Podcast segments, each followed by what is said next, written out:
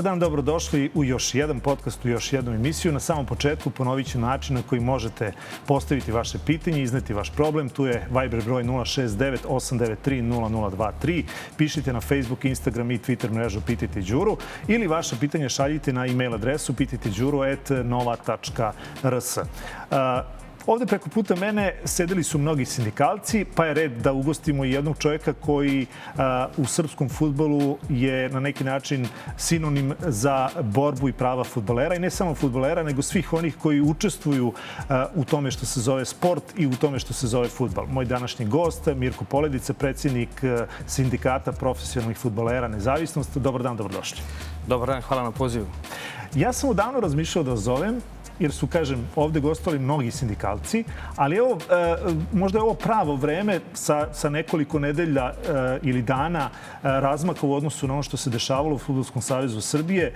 Vi ste jedan od redkih ljudi koji su bili, ajde tako ću reći kolokvijalno, sa one druge strane, to jest ukazivali ste da ono što se desilo u Futbolskom savezu Srbije i odabir Dragana Đajića, da to nije pravi put za, za srpski futbal. Ali ono što je meni upalo nekako u oči i u uši jeste vaša rečenica kada se vi obraćate Draganu Đajiću i kažete vi veoma dobro znate zašto je e, Nemanja Vidić povukao svoju kandidaturu. I nekako ta rečenica, bar za mene, je ostala nedorečena. Ajde za početak da pokušamo da raščivijamo šta ste time mislili. Da. Pa pre svega kada ste rekli e, sa one druge strane, ja se nadam da sam bio sa one pravedne strane. Mm -hmm. Zapravo je to bila ne samo moja ideja, nego svakog čovjeka koji voli futbol. Dakle, pričati o kandidatima sada nakon izbora je suvišno, ali kada pričamo konkretno o toj mojoj rečenici, inače čitav taj moj nastup na Skupštini je bio previše emotivan i previše iz srca. Ja nisam otišao tamo sa nekim planom šta ću da pričam, jer znam da tamo ne možete da pričate puno, ograničeni ste u mnogim segmentima. Ali razlog zašto sam to rekao je vrlo jednostavan i to znaju svi. Dakle, Nemanja Vidić je čovjek koga nije hteo ovaj sistem. I sama činjenica da sistem ne želi takvog jednog čovjeka treba da nam pošalje jednu vrlo negativnu poruku, odnosno poslata nam je jedna vrlo negativna poruka, jer kada ne želite Nemanju Vidića, koji je personifikacija svega pozitivnog kada pričamo o sportu, vi šaljete poruku i Novaku Đokoviću, vi šaljete poruku i Nikoli Jokiću, vi šaljete poruku svakom mladom čoveku, intelektualcu, svakom čovjeku koji želi da promeni sistem. Ideja Nemanje Vidića je bila da se reformiše Futbolski savez Srbije, ideja je bila da se reformiše srpski futbal, da probamo da se približimo tim savremenim futbalskim tokovima, digitalizaciji, potpuno jednom drugačijem pristupu ali nažalost videli ste sami kako se to završilo i moramo na kraju biti krajnje iskreni reći da već decenijama vlasti biraju predsjednike Saveza. Dakle, vi ne možete biti predsjednik Saveza ukoliko nemate podršku vlasti. Nije to samo sada, u posljednjih deset godina, tako je bilo i ranije. Ja to pamtim već više od 30 godina i mnogo mi je žao zbog toga i mislim da je najviše izgubio srpski futbal. To je moj, moj uh, jedinstven stav. Ali smatrate li da je na neki način podmetačina to što vi sa jedne strane imate Dragana Džajića? Dakle, ko će na Džaju? Dakle, e, to je čovek koji je jedan od proslavljenih uh, jugoslovenskih futbalera i svetski poznat futbaler. Dakle, s jedne strane imate Dragana Džajića, s druge strane imate Nemanju Vidića. Dva igrača, bivša igrača Zvezde. Da li mislite da je to na neki način vrlo smišljeno urađeno? Jer ako biste imali nasuprot Nemanje Vidića nekog drugog čovjeka koji je mlađi čovjek, eh, onda bi se stvorio taj možda neki rivalitet koji je, koji je prirodan i normalan. Ovako ste imali um, dva čovjeka koja uh, dolaze iz zvezde i faktički su sukup generacija.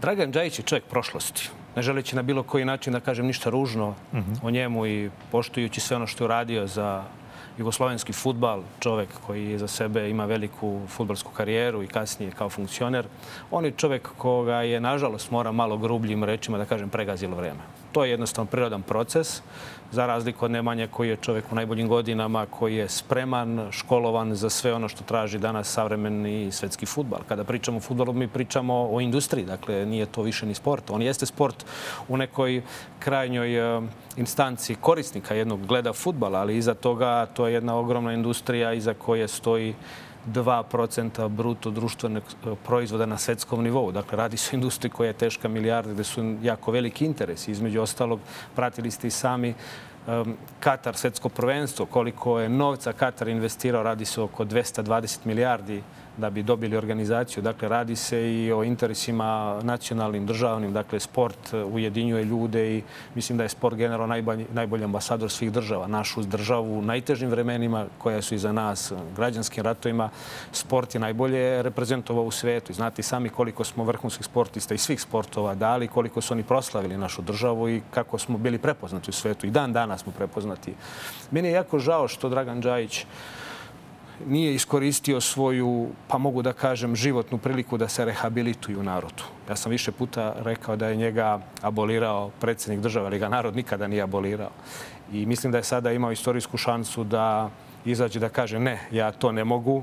Ne zato što bi to bilo nešto što bi mi želeli da čujemo. To je realnost Dragan Đajić ne može jednostavno da radi ovaj posao na način na koji savremeni futbol traži zbog Ali njegovih godina. Ali mislite li da li je mogao reći ne? S obzirom na upravo to što vi pominjete, na tu aboliciju i na prošlost kojega na neki način vuče na, na onu stranu jer znamo i kako je hapšen Dragan Đajić i, i kako je sva ta priča medijski išla. Ja zaista želim da verujem da je mogao da kaže ne. Zašto to nije uradio, ja ne znam ali mislim da je sebi napravio najveću štetu. Mm -hmm. Dragan Đajić neće biti zapamćen kao legenda jugoslovenskog futbala. Jako mi je žao zbog toga, jer je on zaista legenda jugoslovenskog futbala. Biće zapamćen kao čovek koji je jednoj novoj generaciji ljudi oduzeo šansu da stvaraju bolje temelje srpskog futbala za neke nove generacije. A ide li u prilog te vaše priče uh, i uh, činjenica da evo na prvom nekom zadatku gde bi Dragan Čajić trebalo da bude, a to je odlazak uh, na odabir Čepurina, to jest za odabir za koji je treći mandat, je li tako? Da, da, treći, treći mandat. mandat. Da tamo nije išao Dragan Đajić, već, već, su, već su išli drugi ljudi. Pa svi mi znamo da iza kandidature Dragana Đajića i formalnog postavljanja zapravo stoji čovjek koji danas upravlja srpskim futbalom, on se zove Branislav Nedimović. I nije to ništa nepoznato, mi smo sve to znali unapred. Ehm, naravno, ne želeći na bilo koji način da kažem nešto ružno protiv Branislava Nedimovića, ja mislim da se radi o čoveku koji nema znanja koji su neophodne za rukovodđenje takvim jednim sistemom. On ne poznaje kulturu svetskog futbala, što se moglo videti odmah nakon njegovog izbora, načinom na koji se on pojedincima obraćao, način na koji se oblačio, nažalost moram i to da kažem. Dakle, to je čovek koji nije nikada bio deo savremenog futbala i koji ne može srpskom futbolu puno da. On je političar. On je neko koji je deo ove političke elite već koliko, 10-15 godina. Bio je prethodno i u nekim drugim strankama, ali ne želići time da se bavi, mislim da na kraju nije to ni suština. Suština je da smo mi dolaskom Dragana Đajića zapravo dobili Branislav Nedimovića koji je danas prvi čovjek srpskog futbala i to nije nikakva tajna. Ja bih voleo iskren da budem da on taj svoj posao uradi dobro, iako sumnjam u njegove mogućnosti i kapacitete. A voleo bih zbog interesa srpskog futbala, zbog ove dece danas koje sutra treba da predstavljaju državu i da naprave neke fine karijere. Ali nisam siguran zaista da se radi o čoveku koji ima pre svega kredibilitet. Mislim da je u savremenom futbalu kredibilitet najbitniji. Nekad je možda i bitniji od znanja. Jer kada imate kredibilitet, vi imate mogućnost da sve te resurse koje se nalaze oko vas e, približete sebi. I u tom smislu mislim da je Branislav Dimović dosta ograničen, a da je zapravo Dragan Đajić samo iskorišćen da da stane na crtu jednom čovjeku kakav je Nemanja Vidić. Inače, njih dvojica se poznaju dosta dugo. Dragan Đajić je bio i predsjednik kluba kada je Nemanja igrao. I nekako mi je to sve neprirodno. Ja sam zaista verovao do kraja da će Dragan Đajić da se povuče, da kaže ne, dolaze nove generacije, što je potpuno prirodno. Ali videli se na kraju, ja sam bio iznenađen da budem iskren da je on išao do kraja i jednostavno poslati su signali Nemanji Vidiću da je nepoželjan i njegovo nepojavljivanje na Skupštini je bilo opravdano. Iako javnost naravno uvek ima neke drugačije stavove, ali siguran sam da je donio najbolju moguću odluku jer davati legitimitet takvim izborima u nekim nenormalnim okolnostima gde su delegati svi pod kontrolom. Jedini možda delegat koga nisu zvali sam bio ja. Zvali su me 31. oktobra da bojkotujem, nisam želeo, išao sam. Nikada nisam bojkot, uvek sam želeo da razgovaramo, da otvaramo neke nove teme, ali od 85 delegata, koliko je bilo, 70 devet se pojavilo. Jedini sam bio ja koji je tu došao da kaže ono što misli, misli većina građana Srbije. Svi ostali su, nažalost, bili u situaciji da podignu ruke i ono što me posebno zabolelo posle izbora Dragana Đajića je činjenica da mi je velika većina tih delegata poslalo poruku, iako su glasali za Dragana Đajića, gde vi zapravo shvatite kako funkcioniše taj sistem. Ja te ljude ne mogu da osuđujem. Možda nekad sam i pregrub prema njima, možda ne mogu ni da ih i razumem, ali nažalost čitav sistem zavisi od od države. Klubovi imaju to socijalističko uređenje, finansiraju se iz budžeta. Ukoliko niste deo sistema, vi jednostavno ne možete da obstanete. Ali ovo je vrlo indikativno kad vi kažete da ste vi nakon toga dobili poruke ljudi koji kažu da, u pravu si, ali mi to ne smemo da, da kažemo. Pa može li se onda zaključiti da je veoma opasno biti na čelu Futbolskog savjeza Srbije? Pa ja ne mislim da je opasno. Bitno je da ste deo sistema. To pitam s obzirom, znate kako, šta da. se desilo sa nekadašnjim predsjednikom Futbolskog savjeza Jugoslavije. Dakle, on je čovjek ubijen. Generalni sekretar. Pa dobro, to je bilo u tom momentu je imao funkciju faktički. Pa mi smo jedina zemlja, to je vrlo interesantno, mi smo jedina zemlja u, u Evropi koja u 21. veku ima ubijenog premijera i visokog funkciona Futbolskog savjeza Srbije. Ja to nisam čuo nigde u Evropi da se desilo. Dakle, da tako dva važna čoveka u nekim svojim sistemima, pa i da kažemo premijer države je ipak e, najbitniji čovek, predsjednik vlade, ubijen je i jednostavno mi živimo u jednom izopačenom sistemu, izopačenih vrednosti. Meni su nakon e, te skupštine ljudi prilazili na ulici i govorili mi kako sam hrabar. Ja ne mislim da sam hrabar, niti sam ja tamo išao da pokazujem svoju hrabrost. Ja sam tamo želeo da odem da pokažem dostojanstvo. Nisam išao da se ni sa kim svađam, nisam išao ni sa kim da se tučem. Želeo sam samo da budem dostojanstven. Ali, Ali evo recimo da je vama ponuđena ta funkcija. Da li biste prihvatili E, to vas pitam iz ugla da li mislite da tu išta može da se promeni u ovakvom sistemu? Da li jedan čovek, pa i Nemanja Vidić, bi mogao išta da uradi u sistemu kakav je Futbolski savez Srbije? U ovim okolnostima trenutno ne. I da budem iskren, nije Srbija jedina zemlja u Evropi ili svetu kojoj država se indirektno meša u rukovodđenje. Moramo biti iskreni i reći da je država ta koja ulaže u infrastrukturu. To ne radi Futbolski savez. Znači, država zida stadione, država ulaže u infrastrukturu. I prirodno je kada ste predsjednik Futbolskog saveza Srbije da imate dobre odnose sa, sa državom. Ideja Nemanje Vidića nije bila politička. Ona je bila potpuna politična, ali je bila ideja da se svi ujedinimo. Nažalost, ovde kada god dođete uh, u situaciju da se kandidujete za bilo šta, odmah vas prvo opredele prema nekoj stranci. Mislim da je to pogrešno. Nemanjina ideja je bila isključivo sportska, sportski motivisana, bez ikakve želje da se na bilo koji način bilo ko politički promoviše. Dakle, kada podignete takav jedan, takvu jednu organizaciju kakav je Futbolski savez Srbije pa izađete na evropsko tržište, vi na taj način činite dosta dobrih stvari za svoju državu. Ono što je država Srbija izgubila jeste uh, nesporno da uh, smo izgubili mesto u izvršnom odboru UEFA, da je Nemanja Vidić postao predsjednik Futbolskog savjeza Srbije, Srbija bi po prvi put imala čoveka na takvoj funkciji. Njega je Evropa želela, ali nažalost on u ovom trenutku nije bio izbor onih koji odlučuju o, o, o svemu ovoj državi. Kad pominjete Evropu, kad pominjete UEFA, pa i FIFA faktički, um, koliko ona može i da li ona uopšte ima uvid u sve ovo? I koliko može da se umeša u takve stvari? Da, oni naravno imaju uvid i ne samo kada je u pitanju Srbije, kada su u pitanju sve države. Oni su jako dobro informisani. To su korporacije prebogate, dobro informisane. Ali njihovi statuti im ne daju mogućnost da se oni mešaju u bilo šta što se dešava na nacionalnom nivou. I često se u javnosti priča o tom uticaju politike. On je zabranjen inače i statutima i FIFA i UEFA i to je nesporno. Međutim, ovde se zapravo radi o uticaju politike koji je nedokaziv. To je takozvano indirektno mešanje mm -hmm. u sport. I nije to samo u Srbiji. Verujte mi da je to tako i u mnogo razvijenim državama nego što je Srbija. Samo je razlika u tome što te razvijenije države to čine samo da bi napravili dobar interes za svoju državu, a ovde kod nas a, to je negde na poslednje mesto. Dakle, ovde prvo moraju da se zadovolje neki ljudi, neki prijatelji. Da se napune džepovi. Da se napune džepovi kolokvijalno, ne želeći nikoga da optužujem da to radi, ali kada pogledate finansijski izveštaj, kada vidite da tu nemate nikakve informacije koje su vama bitne, ja kao delegat Skupštine praktično nisam upoznat kako funkcioniše Futbolski savez. Mi ne znamo kolike su plate predsednika, generalnog sekretara, mi ne znamo kolike su bile nagrade za kako su se taj, ti novci delili. Dobio sam neku informaciju na Skupštinu, e, to ste mogli da ispratite, da su to bili neki procenti, ali suštinski mi smo neinformisani. I ono što je meni recimo bilo veoma zanimljivo kada sam odlazio na, na tu Skupštinu, napravio sam neku analizu da od 2016. godine ni jedan delegat Skupštine nije izašao za govornicu i nije otvorio ni jednu temu. Pazite, to je period od uh, sedam godina. Da, govorimo dakle od 85 2016. Ljudi, da, 2016. tada je Skupština imala, uh, bio je statut drugi na, na snazi. Među vremenu je 2021. donet novi. Ali vi imate sedam godina, dakle, do dolaska Slaviše Kokeze, pa sve do ove Skupštine poslednje koja je bila 14. marta, ni jedan delegat nije izašao i nije postavljeno jedno pitanje. Dakle, vi imate, dakle, skupštinu i delegate koji samo dolaze da daju legitimitet.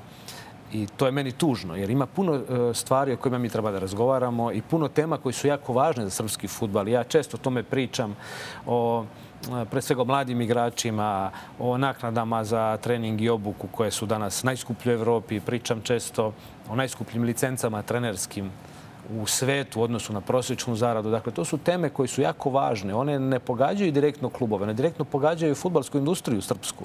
Jer vi imate sistem u kome ako ste vrhunski, a nemate novca, vi ne možete da se školujete za ono što želite da radite.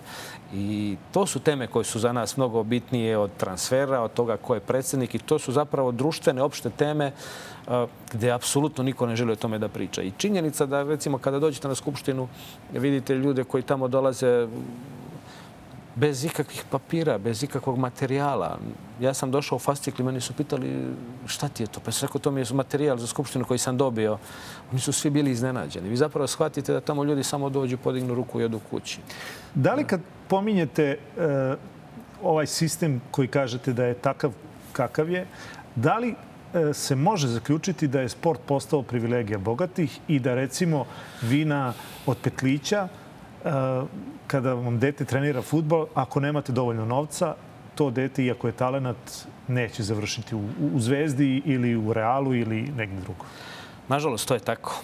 Dakle, e, mi živimo u, u jednom vremenu koje ograničava pojedine roditelje zato što nemaju materijalnih mogućnosti I ne samo kada je u pitanju futbal, tako je u svim drugim sportovima. Ja verovatno se nikada ne bih bavio futbalom da su moji roditelji morali da plaćaju bilo šta. U vreme kada je moja generacija igrala, morali su samo da ispunjavati jedan uslov, to je budete dobar džak u školi. Dakle, nije se samo radilo o našem trenažnom procesu i stvaranju nekih novih igrača. Stvara, radilo se na vaspitanju tih mladih ljudi, na, na obrazovanju. Mi danas imamo jako nizak nivo obrazovanja profesionalnih futbalera. Dakle, danas je sve industrializacija i u tom sistemu su se pojavile mnoge i privatne škole futbala. Danas deca već sa 6, 5, 6 godina počinju da treniraju futbal, što je za mene suludo. Zato što nemamo nikakav sistem. Dakle, sve je do ljudi da se napravi jedan sistem koji će da promoviše futbal na najbolji način i da to i deci da šansu. A zašto nemamo? Pa nemamo sistem zbog toga što je industrializacija učinila svoje. Dakle, ako ne platite, vi ne možete da budete deo te igre. I jedna od stvari za koju se ja zalažem dugo godina, to je besplatan trening. Ako već država investira u, u klubove, ako daje budžetski novac, klubovi nemaju čak ni zakonsko pravo da naplaćuju članarine. Između ostalog, to, to se sve plaća uglavnom na crno u kešu, tu nema nikakve kontrole. Jako mi je žao zbog toga e, nekad e, je čitava ta industrija futbalska i nepravedna prema nekoj deci koja, za koji se vidi da ne mogu jednostavno, nemaju potencijal. To je jednostavno tako u sportu, a niko im ne skreće pažnju, bitno je samo da se plati članarina. Mm -hmm. Ja sam imao jedan interesantan razgovor s jednim mojim prijateljom koji ima školu futbala i njegova škola futbala je dosta velika, ima puno dece i jednom priliku sam ga pitao, mislim, kako si uspeo da okupiš toliko dece? Ispričam jednu vrlo interesantnu priču. Kaže, kada sam počeo da radim, ja sam stvarno radio onako kako treba. Uvek sam davao dobre savete. Pedagoški. Pedagoški. I deca koje nisu imala potencijal, ja sam jednostavno roditeljima otvoreno govorio da, to, da su to deca koje nemaju jednostavno potencijal da se bave futbalom na nekom višem nivou.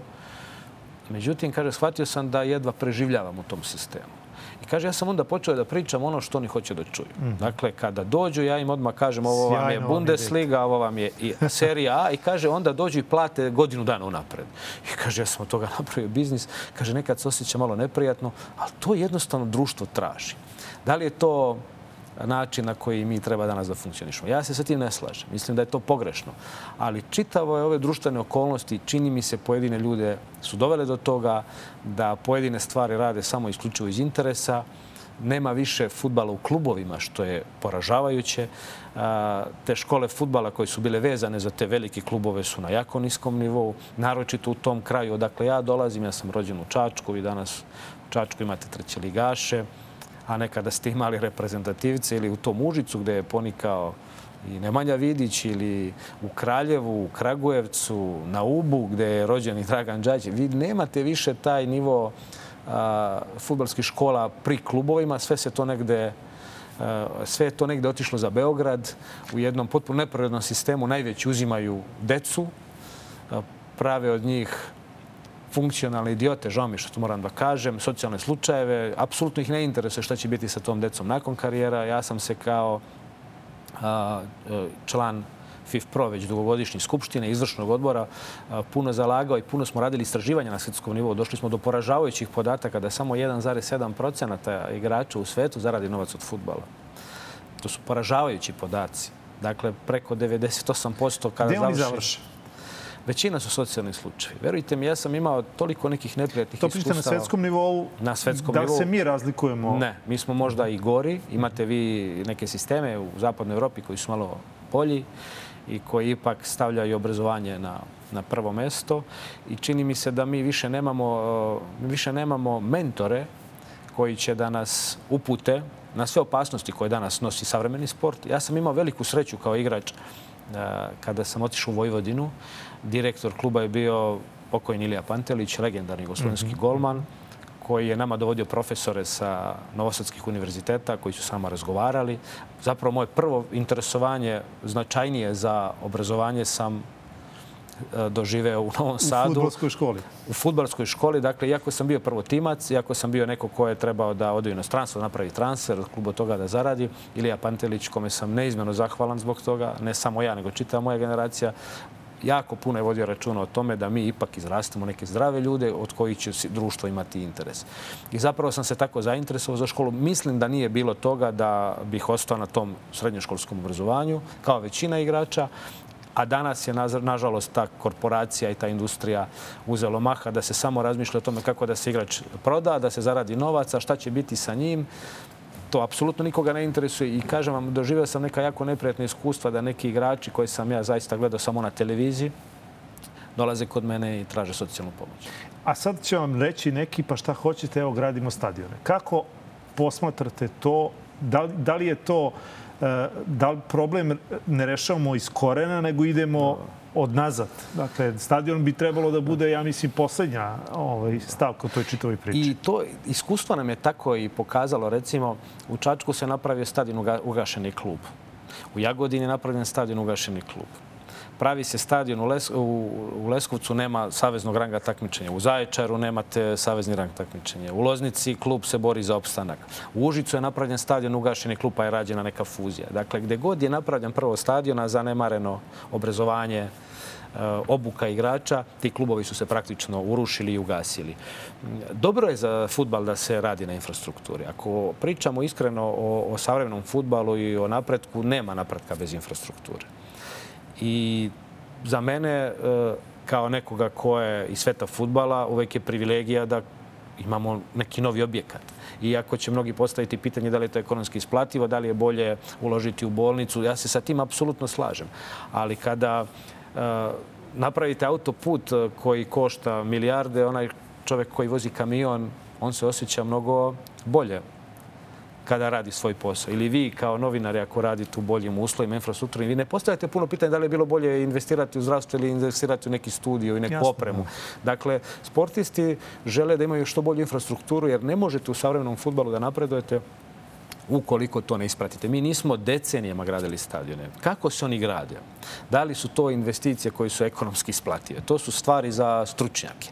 Ako pričate sa običnim čovekom koji je radi u futbalu, njemu imponuje da radi u što boljim uslovima. Tako da nema napretka bez, bez infrastrukture, ali u svakom slučaju čini mi se da ta regionalizacija i ta investicija koja se danas pravi nekako ne dolazi prirodno. Nemamo klubove koji, koji mogu da koriste tu infrastrukturu na tom vrhunskom nivou. I to je ono što je zapravo jedino pitanje. I kada pričamo o nacionalnom stadionu, pa da, dobro je da imamo nacionalni stadion i to je super stvar da sutra dobijemo neko takmičenje za mlađe ili ne znam neko finale Lige Evrope. Da li je ekonomski isplativo, ja to zaista ne znam. Pretpostavljam da nije ali u savremenom sportu bez infrastrukture vi apsolutno nemate nikakvu šansu da napravite. Kad pominjete savremeni sport, e, šta ćemo sa naša dva najveće kluba? Dakle, kakav je vaš stav povodom e, priče? Bilo je priče, mada ta priča uvek ostane samo na priči oko privatizacije tih klubova. Jer kad god imamo izveštaje, ti izveštaji su netransparentni, e, ti izveštaji uvek, bar u onim medijima koji su pokušavaju da dođu do istine, može se čuti da tu uvek država dotira, dakle da svi građani faktički dotiraju. E, je li rešenje za Partizan i Zvezdu privatizacija? Pa generalno privatizacija rešenja ako pričamo globalno o, o našem e, futbalu, ali moramo biti svesni da mi nemamo ni zakon o privatizaciji sportskih klubova. Dakle, mi nemamo onu pravnu osnovu da bismo mogli da uđemo u bilo kakvu proceduru privatizacije. Crvena zvezda i Partizan su najuspešniji srpski klubovi. Neću da kažem da su najveći, zato što se Vojvodina osnovala 31 godinu pred Crvene zvezde i Partizana. Isto je bila šampion Možda je to malo subjektivno s moje strane, zato što ja taj klub volim. Dobro, dobro. Ali Crvena zvezda i Partizan su uh, najuspešniji srpski klubovi, ali i najveći problem srpskog futbala. Sve negativno, to je moj lični stav, što trenutno imamo u srpskom futbalu, dolazi iz Crvene zvezde i Partizana. Ako zanemarimo rezultate. Rezultati su relativno solidni. Crvena zvezda i Partizan poslednjih 7-8 godina igraju manje više redovno u evropskim takmičenjima. Međutim, sve oko njih je srušeno. Kad Oni kažete ti... sve negativno, može li se to taksativno nabrojati? Evo recimo pet, pet stvari koje vam prvo pa, recimo, padaju na pamet. Crvena zvezda i Partizan imaju danas preko 100 igrača pod ugovorima. Oni dovode decu iz unutrašnjosti, na taj način urušavaju baze malih klubova. Crvena zvezda i Partizan imaju izraženi govor mržnje. Vrlo često možemo pročitati ozbiljne optužbe koje dolaze od strane Crvene zvezde i Partizana. I nekako se to sve reflektuje na ove niže nivoje i zapravo dobije... mi imamo jednu ligu u kojoj kada počne sezona, Samo je pitanje da li će šampion biti Crvena zvezda ili Partizan. Vi tu više nemate nikoga konkurentnog ko može da na bilo koji način ugrozi Crvenu zvezdu i Partizan. Sad imamo malo situaciju da je Partizan u lošijoj formi, a iako ja verujem da će na kraju sezone biti i drugi, ali Crvena zvezda ima 20 i nešto bodova više od drugog. Dakle, od one lige iz 96. ili 7. kada je Obilić bio, znate, šampion. već sami šampion, mm -hmm. pa do današnjeg dana nikada ni jedan klub nije bio ni blizu da ugrozi Crvenu zvezdu i Partizan. Jeste se Vojvodina ponekad približi, ali dobro. Da. Ali nikad nikad u toj meri da, da, da uzmu, uzmu ovaj titulu. I zapravo mi imamo jednu ligu koja je, koja je nepoštena. I kada pogledamo e, koliko država daje Crvenoj zvezdi Partizanu, a šta daje manjim klubovima, mi zapravo, vi zapravo shvatite da Crvena zvezda, jedan igrač Crvene zvezde danas zarađuje kao ili dva igrača kao budžet nekog dobrog superligaša. Mislim, to je jedna nepoštena borba. Znači, vidite sa igračima koji imaju nenormalno velike plate da igrate utakmicu protiv kluba gde igrači igraju za hiljadu i po dve evra. Dajem vam primjer. U takvim okolnostima to je jako teško da vi napravite jednu konkurentnu ligu. Kako je onda moguće kad to sve govorite? Kako je moguće da smo mi i dalje rasadnik dobrih futbalera koji kada odu u inostranstvo oni su ili vodeći futbaleri ili ljudi koji igraju ključnu ulogu u svojim klubovima. Ukoliko odu na vreme. Šta to znači? To znači da ako pogledate sad našu reprezentaciju Srbije, svi igrači, evo, uzet ćemo poslanje veliko takmičenje, to je Katar, svi igrači koji su igrali u startnoj postavi ili su, ajde da kažem, da, tih 14, 15, svi su otišli sa 18 ili 19 godina. Mm -hmm. I oni su ovde samo pokazali svoj raskošni talent. Mi smo inače jako talentovani za sve sportove ali su se futbalski obrazovali i odrasli su u nekim drugim sistemima, u nekim drugim vrednostima, u nekim drugim trenažnim procesima. I tamo su postali ti vrhunski igrači. Nažalost, e, evropsko tržište futbalsko, odnosno istočno evropsko, se do te mere promenilo da danas, ako zapadna Evropa i te top lige e, ne uzmu igrača do 20. godine njegovog života, oni više nisu za njih zainteresovani. Dakle, to je već igrač koji njima nije zanimljiv. Dakle, oni, target zapadne Evrope su igrači između 17 i 19 godina. I oni kupuju igrače mlade kada vide da imaju veliki potencijal i u svojim sistemima i trenažnim procesima ih oblikuju na način na koji su se oblikovali Vlahović, Milenković, i Mitrović, imate naši najbolji igrači su otišli Kako to zaustaviti? Imali, imali, pošto ste i čovjek koji je i u UEFA i u FIFA ima svoje kontakte tamo, dakle, e, jesu li e, bar zemlje u regionu koje su bile u istom sosu, da tako kažem, kao i mi, e, uradile nešto drugačije od nas? Nemoguće je to zaustaviti kada imate klubove koji nisu solventni. Dakle, većina klubova su gubitaši. Ali možemo dovesti na taj nivo kao što su doveli Hrvati. Hrvati isto prodaju igrače sa 18-19 godina, ali ih ne prodaju za milion, nego ih prodaju za 15 miliona. To je ta razlika i onda taj novac kasnije investiraju u nove generacije mladih igrača. I vi sada kada pogledate njihove mlade igrače na tržištu, kakve su njihove cene, to su enormne sume u odnosu na nas. A inače oni futbalski nisu niti talentovani, niti su bolji od nas. Samo su sistemski mnogo bolje organizovani, nema mešanja države u futbal, doveli su najbolje kadrove, imaju sistem koji funkcioniše. Ono što je recimo interesantno za Hrvatsku, oni nikada nisu pravili rezultate u mlađim kategorijama, oni su se samo bavili stvaranjem igrača. Dakle, vi ako pogledate rezultate mlađih kategorija Hrvatske i naše, mi smo mnogo uspešniji od njih. Međutim, kada dođemo u taj seniorski futbal, onda oni tu pokazuju svoju nadmoć zbog toga što su svoje lige prilagodili razvoju mladih igrača. Nažalost, mi nemamo lige, odnosno dve profesionalne super i prvu ligu koje su prilagođene mladim igračima zbog toga što nam jako veliki broj klubova ispada ili igra baraž i treneri su zapravo osuđeni da stalno traže rezultat i nema mogućnosti da se mladi igrač afirmiše. I pričao sam dosta sa, sa mojim prijateljima koji su pravili velike karijere Mnogi od njih su sa 18-19 godina već igrali Crne zvezdi Partizanu, ali vi kada imate mladog igrača morate da budete svesni da ne možete napraviti velike rezultate. To je jednostavno proces stvaranja jednog igrača mora malo da trpi rezultat. A kod nas je rezultat u prvom planu, a stvaranje igrača u drugom i zbog toga mi danas nemamo generaciju mladih igrača i moja neka procena da ćemo mi tamo od 2026. posle svetskog prvenstva u Americi, Kanadi i Meksiku doživjeti jedan potpuni kolaps a to će biti proizvod rada u posljednjih 7-8 godina. Dakle, mi nismo pripremili nove generacije, pa sjetite se, 2015. godine smo bili prvaci sveta na Novom Zelandu. Mi danas jedva da možemo da se kvalifikujemo neko takmičenje, pritom igrača iz uzrasta 20-21 godine, mi danas nemamo konkurentnih na tržišta. To su generacije igrača koji trebaju da predstavljaju srpski futbal za nekih 5-6 godina. Tako da jedino da opet imamo neku veliku sreću kao što smo imali s ovim mladim igračima koji su otišli u inostranstvo pa su zaista tamo napravili sjajne karijere, ali sistemski srpski futbal i Futbalski savez Srbije su na jako niskom nivou.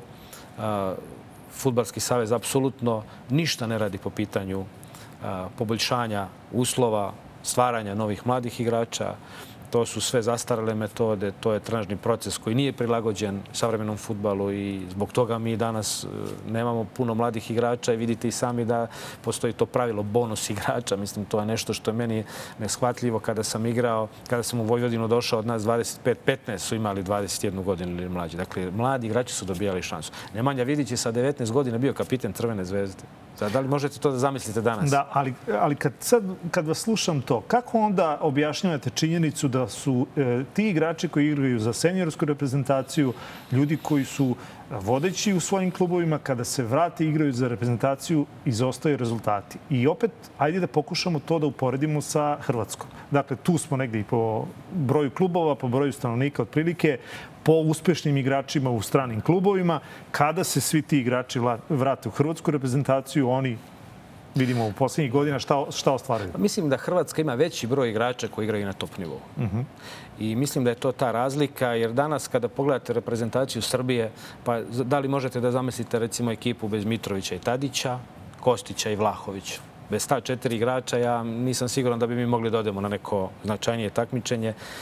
Jednostavno, Hrvatska ima jako veliki broj igrača koji igraju u top evropskim klubovima na top nivou i to je ta razlika koja postoji kod njih. Kada bismo mi imali više tih igrača, čini mi se da, da bi bila mnogo bolja situacija. Iako ja lično, moj lični stav je da reprezentacija pravi odlične rezultate, uzimajući obzir sve okolnosti, standard i uslove u kojima srpski futbal egzistira, mislim da pravimo odličan rezultat. Odlazak na svetsko prvenstvo je zaista veliki uspeh, naročito u onim okolnostima kada vi igrate protiv jednog Portugala koji je vanserijska reprezentacija E, ali, nažalost, uvek su ta očekivanja prevelika, uvek je preveliki pritisak i to negde tradicionalno nas uvek negde košta i rezultata. Specifične su bile okolnosti pred ovo svetsko prvenstvo. Nije bilo vremena za pripreme.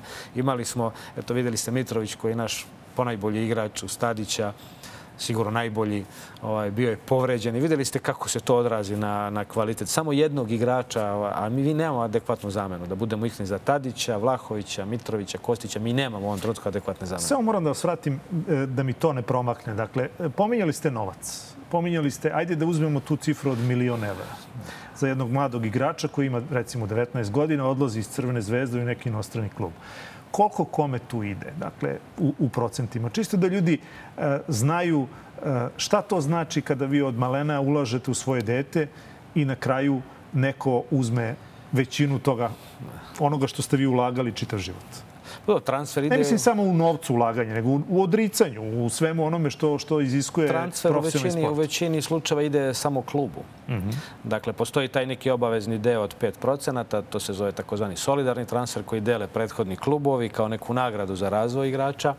Ima takođe slučajeva gde igrači ugovaraju da dobijaju određene procente transfera, ali u većini slučajeva zaista taj novac ide klubu tih 5% se deli. Naravno, agenti su uključeni u sve to koji danas su veoma važni za za evropski i svetski futbal, tako da to sve zavisi od slučaja do slučaja. Ono što je veoma interesantno, nije se puno o tome ni pričalo u poslednje vreme, FIFA je uvela jedno pravilo u novembru mesecu, FIFA, FIFA Clearing House, tako se zove, čišćenje kuće, klirinško čišćenje kuće, kako možemo prevesti, um, gde uh, su transferi u ovom trenutku drugačiji nego što su bili u prošlosti. A kako to izgleda u praksi? Kada srpski klub proda recimo jednog igrača u inostranstvo, taj klub iz inostranstva ne plaća transfer direktno na klub, uh mhm. -huh. već taj novac ide na FIFA. FIFA taj novac zadržava, proverava ugovor između dva kluba. 5% odmah prosleđuju klubovima gde su se igrači obučili, zbog toga što je sad sve digitalizovano, imaju sve podatke za svakog igrača gde je od 12. godine ko igrao. I tek kada se svi namire, onda taj glavni deo se šalje klubu koji je transferisao igrače. Na taj način FIFA zapravo želi da smanji taj procenat e, korupcije. Njega je uvek bilo u transferima jako puno. Zapravo imaju potpunu kontrolu i monopol nad transferima i to je eto, zaživjelo tek prvi put u ovom prelaznom roku. I vidjet ćemo kako će se to odraziti na evropski futbol, uzimajući obzir da su se mnogi transferi plaćali kroz razne korporacije, asignacije, da, da, da ne dužim, ali to je generalno bio veliki problem. I da vas vratim na ovu sindikalnu aktivnost. Evo, pa na što vam se najčešće vaši sindikalci žale? Pa najčešći problem sa igračima je neplaćanje i nepoštovanje ugovornih obaveza. I to nije samo kod nas, to je tako u većini zemalja Istočne Evrope. Istočna Evropa je kancer svetskog futbala. Ona ima velike resurse, ali nažalost rukovodđenje klubovima jako loše. Tako da sve negativne stvari danas uglavnom u svetskom futbalu dolaze iz Istočne Evrope. To su balkanske zemlje, to je Turska, što je vrlo interesantno. Ima puno problema i ovim arapskim zemljama, ali definitivno najveći problem e, srpskih igrača u Srbiji je da nisu vrlo često plaćeni na vreme i da su vrlo često meta diskriminacije i mobinga. I ono o čemu ja često pričam javno, a opet nema mnogo razumevanja u Futbolskom savezu, a da bismo objasnili kako to funkcioniše u praksi, u Srbiji kada imate stranca i domaćeg igrača, u slučaju nepoštovanja ugovora primenjuju se dva različita zakona. Stranci su zaštićeni, na njih se primenjuje švajcarski zakon, nadležnost je na FIFI, na njihovom arbitražnom sudu, odnosno veću za rešavanje sporova, a kada imate srpskog igrača, na njega se primenjuju srpski zakoni i pravilnik Futbolskog savjeza Srbije i kako to recimo izgleda u praksi, da bi pojasnio. Recimo, ukoliko ne platite strancu dva meseca platu, uzet ćemo primjer Asana, recimo, sećamo ga se iz Partizana. Onda bi raskinuo ugovor da bi napustio taj klub nakon dva meseca mora klubu da da rok od 15 dana da plate, zvanično da ih pozove, da im da rok od 15 dana. Ukoliko ne plati rok od 15 dana, on 16 dana raskida ugovor jednostranom izjavom, meni je slobodan igrač, može da bira novi klub. Srpski igrač, da bi to isto uradio, mora da sačeka 3 meseca da ne primi platu i mora da da rok od 30 dana. Dakle, mi ovde diskriminišemo našu decu. Mi smo ovde u Srbiji strance stavili u mnogo bolji položaj nego domaćeg igrača. Taj stranac je tu prolazan. Ja sam bio stranac kao igrač, znam kako stranci razmišljaju. Mi smo prolazni. A igrač iz Srbije, on osim što treba tu da napravi karijeru, pa on će taj novac koji zaradi investirati u svoju zemlju, pa će država kasnije opet imati neki interes. Dakle, čitav sistem je napravljen da se uništi srpsko dete. Ja to godinama pričam, imam mnogo primjera iz prakse kako to funkcioniše. I prosto mi je neverovatno da sve ove godine ljudi koji vode srpski futbal, apsolutno nemaju sluha za te stvari. I mnoge stvari koje smo promenili, promenili smo samo isključivo zbog toga što je to UEFA zahtevala, pa između ostalog i moje članstvo, odnosno to što sam delegat u Skupštini, nije sigurno bila želja Futbolskog savjeza Srbije da nije bilo uticaja s polja, ja tu nikada ne bih ni bio. Ali mi je mnogo žao što mi našu decu ne cenimo dovoljno i što stalno su oni poslednja ta karika gde su zaista izloženi najgorim mogućim pritiscima sa svih strana i mnogi igrači, nažalost, odustaju. Jedan poražavajući podatak je to da 80% igrača kada izađu iz juniorskih kategorija prestaju da igraju futbol. E sad, za kraj, još jedno pitanje. Reko ste, jedini ste čovjek koji je otišao na Skupštinu Futbolskog savjeza sa fasciklom. Pa ima li u toj fascikli e, ikakvog leka za naš futbol? Dakle, kako biste vi, evo sad da, da se, se okrene sve naopako i da kažete imate, ne znam, godinu dana da sredite srpski futbol, da ga dovedete na zelenu granu, a, koji su prvi koraci? Srpski futbol može da se reformiše za mesec dana. Samo treba dobra volja. A, ne postoji ništa što već ne funkcioniše u praksi. Mi samo treba da implementiramo ono što su već drugi uradili. A, nema tu neke velike nauke. Ovde se samo radi o tome da li to sistem želi ili ne želi. Futbalski savez Srbije, nažalost, ne želi da napravi bolje uslove za razvoj igrača. Moram da napomenem i trenera. Mi smo imali kroz istoriju trenere koji su radili u najboljim evropskim svetskim klubovima. Mi danas trenersku zdrugu praktično nemamo u nekim značajnim ligama. Dakle, čitav sistem je urušen i često kada pričamo o Futbolskom savezu stalno se napominje reprezentacija, rezultati to su stvari na koje Futbolski savez ne može puno da utiče. Dakle, imate selektora, imate igrača koji dolaze iz inostranstva. Ogledalo srpskog futbala je ono što se dešava u Srbiji. A mi danas u Srbiji gledamo nameštene utakmice u juniorskim kategorijama. Gledamo nameštene utakmice u amaterskim ligama. To su svake nedelje bezbroj nameštenih utakmica. I to svi znaju. To nije nikakva tanja. Ja o tome pričam javno već godinama. Šta više, mnogo sam puta e, prijavio Futbolskom savezu da imam informacije da će neke utakmice biti nameštene. Pa, pazite, ako logički zaključujete e, toliko kladionica, pa ćemo onda Mislim da znati da zašto ih toliko ima. Kladionice i nemaju interes da se. Kladionice imaju interes da se igra pošteno. Tu će najviše zaraditi, pretpostavljam. Ali je problem što mi zaista imamo neverovatno veliki broj nameštenih utakmica i nemamo ih u Superligi, da budem iskren, kao što smo nekada imali, ranije to bilo zaista užasno. Ipak je taj VAR doneo dosta neke sigurnosti. E, kompanije koje investiraju traže da bude to čisto, da ne bi trpeli štetu kao sponzori, ali definitivno to što se dešava u nižim ligama, verujte, mene sramota me ponekad kad pogledam neku utakmicu. Ja inače volim da gledam te niže lige. Ja, meni, je to, meni je to hobi više.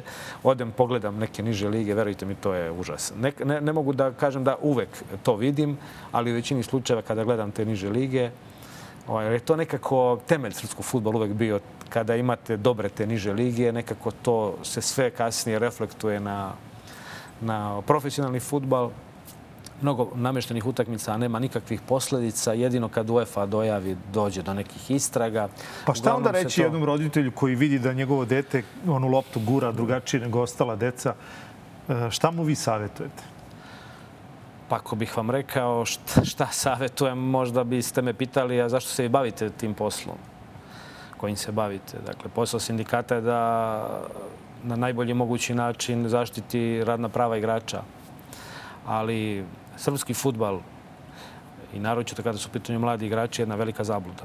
Ja stalno govorim roditeljima, ako vam dete igra futbal, to je lepo, mora da se obrazuje. Ako zanemari obrazovanje, imate ozbiljan problem. Danas živimo u zaista u vremenu gde su slatke reči vrlo česte, a vrlo nerealne. Roditelji ne prepoznaju opasnosti koje nosi futbal. Futbal zaglupljuje mlade ljude. Savremeni ovaj današnji futbal u Srbiji ih zaglupljuje. Ja, nažalost, moram da budem surovo iskren to da kažem. Ja to često pričam i mojim prijateljima čeja deca igraju futbal. Sve je to super, ali ako zanemarite obrazovanje, a daću vam jedan poražavajući podatak, danas mladi igrači od 15 godina u našim najboljim klubovima ni jedan ne ide u redovnu školu. To su danas standardi. Nekad je bio standard moraš da budeš dobar đak da bi mogao da igraš futbol. Najmanje vrlo dobar, to je bilo u moje vreme. Išli su u škole, pro, treneri, a danas da biste igrali na najboljim klubovima morate da ispišete dete iz škole. Ja imam prijatelje moje čija deca igraju u našim najboljim klubovima koji su nažalost morali svoju decu da ispišu iz škola.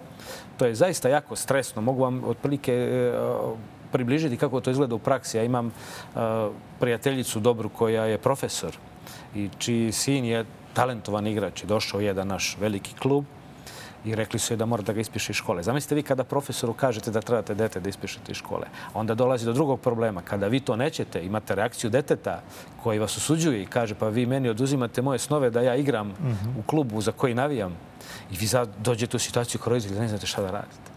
To su zaista jako stresne situacije. Ja se sa tim susrećem svakodnevno i žao mi je što Ministarstvo sporta malo više pažnje ne posvećuje tim stvarima. Sećam se dok je Vlade Divac bio predsednik Olimpijskog komiteta da je on puno radio na tim stvarima karijera posle karijere jer i sam imao to iskustvo iz Amerike. Ja sam sa njim dosta razgovarao na tu temu i puno sam naučio od njega da budem iskren.